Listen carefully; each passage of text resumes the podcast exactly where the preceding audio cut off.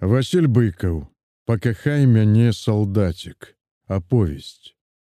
Вайна шпарка кацілася пад адхон, Днямі быў узяты Берлін, а мы ўпёрліся ў нямецкі абарончы рубеж з невялікім аўстрыйскім гарадком і трэці дзень стаялі на месцы. Немцы часам пастрэлівалі з гарматы мінамётаў, і тады сярод ладных вастраверхіх дамкоў гахалі выбухі, і ўшчэнт разлятаў наўкола чырвоны друз чарапіцы. Каб не той дахавы ды цагляны друз, якім быў закіданы асфальт, было б дужа здатна каціць на веласіпедзе, асабліва ад павароткі ўніз да паўразбітай дамоўкі на рагу, за якой ля рэчкі стаялі акапаныя гарматы. Увогуле было небяспечна, маглі і падстрэліць, Хоць кулі з недалёкага перадка сюды не даляталі, але каб не міны. Адмін гэтага нямецкага пачварства схову на перадавой не было нідзе. Ні ў полі, ні ў лесе, ні ў горадзе. Хіба ў зямлі. Але ў зямлі ўжо не сядзелася, наседдзіліся за вайну. А тут буяла вясна, Ва ўсю зелянела абсыпаная жоўтымі казельцамі трава на пустцы. У гародчыках пры дамоўках зацвітаў бэс, Удзень прыгравала сонца. На душы павальнела, нават штосьці зарадавалася ўнутры у няпэўным прадчуванні маладой бяздумнай удачы. Асабліва калі табе трошкі за двадцать і ўпершыню за вайну з'явілася спадзяванка выжыць. Ды сёння трапіўся пад руки спраўны веласіпед, на якім не катаўся з дзяцінства. За аснежаных хрыбцінаў гор выбавілася ў небе ранішняе сонца, сляпучымі промнямі нечакана ударыла з-за павароткі ля вугла шырокага, паўразбітага выбухам дома. На момант дарога пахіснулася, кола незнарок валюхнула ў бок і я з добрага разгону грымнуўся на асфальт. Яшчэ ж праехаў колькі крокаў бокам. Перамагаючы болю калені, падняў галаву і тады ўбачыў людзей. Блізка прыткнуты да ўцалелай сцяны дамоўкі, стаяў камандзірскі вілес, з ім побач трафейны хорх і застыла кубка афіцэраў, якія здзіўлена ўтаропіліся ў мяне. Вядома, то было начальство. І калі іх прынесла сюды, няўцямна падумаў я, ціха муцюкнуўшыся на іх і на сябе таксама пачаў нязграбна ўставаць. Надта спяшацца ўжо не мела сэнсу, я выразна адчуваў, што ўліп і рыхтаваўся па магчымасці хутчэй перажыць малапрыемную сустрэчу. Паглядзіце на яго, прагучала тонам, які не абяцаў нічога добрага. Мабыць, для яго вайна ўжо скончылася. Ён ужо гатовы зламаць сабе галаву на дарозе. На маю бяду то быў сам камандзір нашай супрацьтанкавай брыгады. Камлюкаваты, з бычынай шыяй палкоўнік, адмысловы крыкун і мацюгальшчык. У брыгадзе яго і любілі, і баяліся. Болей аднак баяліся, бо сустрэўшыся з ім адзін раз, сустракацца другі не надта хацелася. Іншыя ля машын маўчалі. Паставіўшы нагу на бампер вілеса, углядаўся ў разасланую на капоце карту знаёмы падпалкоўнік са штаба брыгады. Ля яго стаяў нейкі маёр у фуражцы колеру хакі. Гэты апошні з паблажлівай старонняй ухмылкай назіраў за маёй нявыкруткай. Вінават прымычаў я, моршчычыся ад болю ў пабітым калені. Рука ў гімнасцёркі быў здорава разадраны на локці, і я трохі павярнуў веласіпед, каб стаць да іх бокам. Дзе тваё падраздзяленне, лейтенант, вызверыўся камбрыг.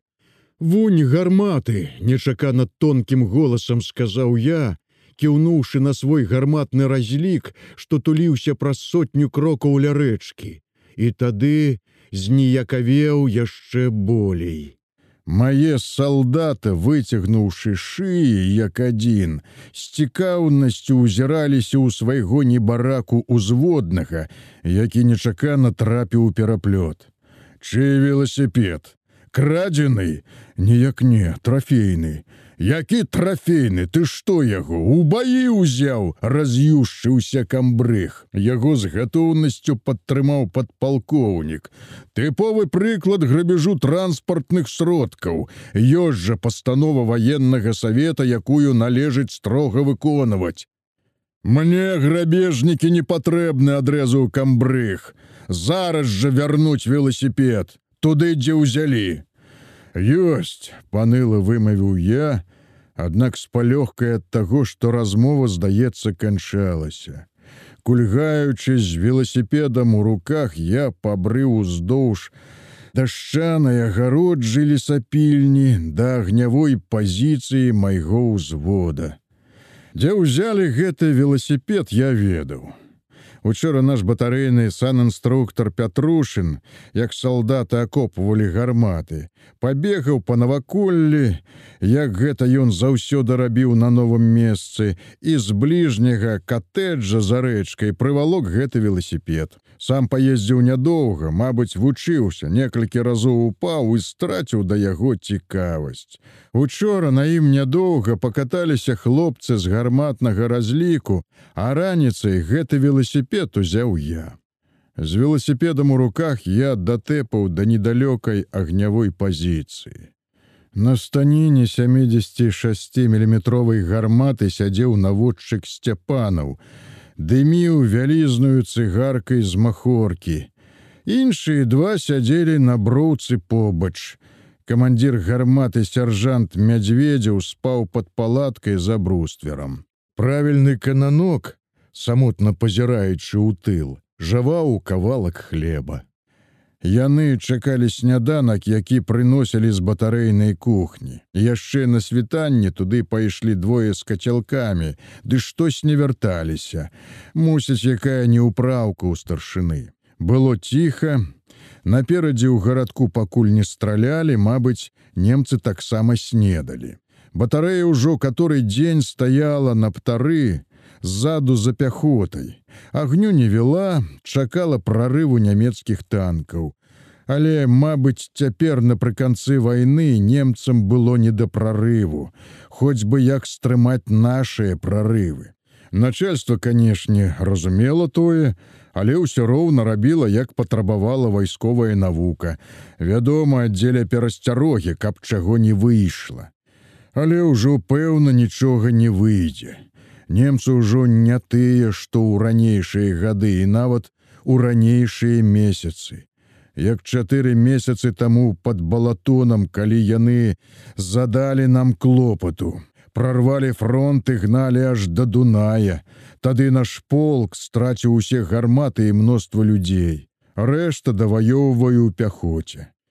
Кананок паклікаў я маладога салдата, адвядзі веласіпед, вунь у той дом. Кананок, як заўжды спярша ніякавата заусміхаўся, зірнуў на ладны катэдж пад гарой з забурліваю горнай рачулкай. Нішто сабе дамок, палац.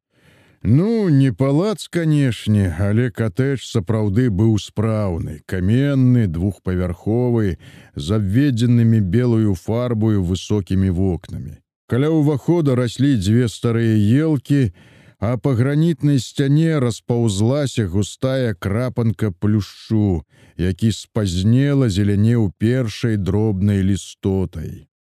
Уздоўж рачнога берага відаць была невысокая драцяная агароджа. Ззаду між дамоўкай і стромкай скалой высіліся старыя дрэвы, скуп'я якіх выглядаў чырвоны дах, завершаны невялічкаю под зялёным каўпаком вежаю. Мусіць гаспадарыў там не бедны аўстрыец. Я прысеў на снарадную скрынку між станін, а кананок цераз вузкі драўляны масток над рачулкай пакаціў веласіпед. За рэчкай ён прыпыніўся каля мусіць зачыненай брамкі, нешта гукнуў: І тады з дзвярэй паказалася постаць нейкая дробненькай жанчынкі ў вузкіх штоніках. Яна рухава наблізілася да брамкі і ўзялася адмыкаць дзверцы. Кананок, відаць, было, загаманіў штось, і яна падобна адказала. Хвіліну яны там быццам перагаворываліся, але адсюль не было чутна пра што. Хаця пра што мог гаварыць кананок, які наўрад ці ведаў хоць бы десятак слоў па-нямецку. Ты глядзі, зайздросна вымавіў ззаду сцепанаў. Наш кананок ужо немачку палюе, ужо дамаўляецца. Не немачку, мабыць, аўстрыйку. Але праўда, спрытная дзяўчына высунуўся з раўка чарнавуса тэлефаніст муха. Мабыць, і праўда, нават здаля дзяўчына выглядала зграбнай, асабліва сваёй хлопчуковай постаццю, рухавай, невялічкай і ўжо тым захапіла салдацкую вагу артылерыстаў. Яна пераняла ў кананка веласіпед, лёгенька крутануўшы галавой, адкінула назад пасму коротко пастрыжаных валасоў і павярнулася да дзвярэй у катэдж. Кананок, аднак усё гукаў да яе нешта, і яна, прыпыняючыся, адказвала, пакуль не знікла за елкамі. Салдат трохі пастаяў яшчэ, а пасля ўсё азіраючыся, пайшоў цераз масток да агнявой пазіцыі. Я азірнуў назад на дарогу. Віліс усё стаяў пад сцяной разбітага дома. Афіцеры схіліліся над ягоным капотам над разасланай картай. Мабыць, яны ўжо страцілі да мяне ўвагу, ды не ўсе. Адзін за спінуў іншых усё ж разы два зірнуў наш бок. Ці не той лагодны маёр падумалася мне. Але ў той час у раўку зазумераў телефон і тэлефаніст муха паклікаў: « Камбат, таварыш лейтенант. Я скочыў у равок, узяў трубку. Камбат пытаўся, колькі ў мяне снарадаў, асобна бранябойных, асобна асколачных. Я сказаў, што трэба падлічыць, тады далажу. Нібы між іншым камбат папярэдзіў, там недзе першы ля вас і асабіст. Ужо бачу, стаяць на дарозе. Як паедуць, звякні куды.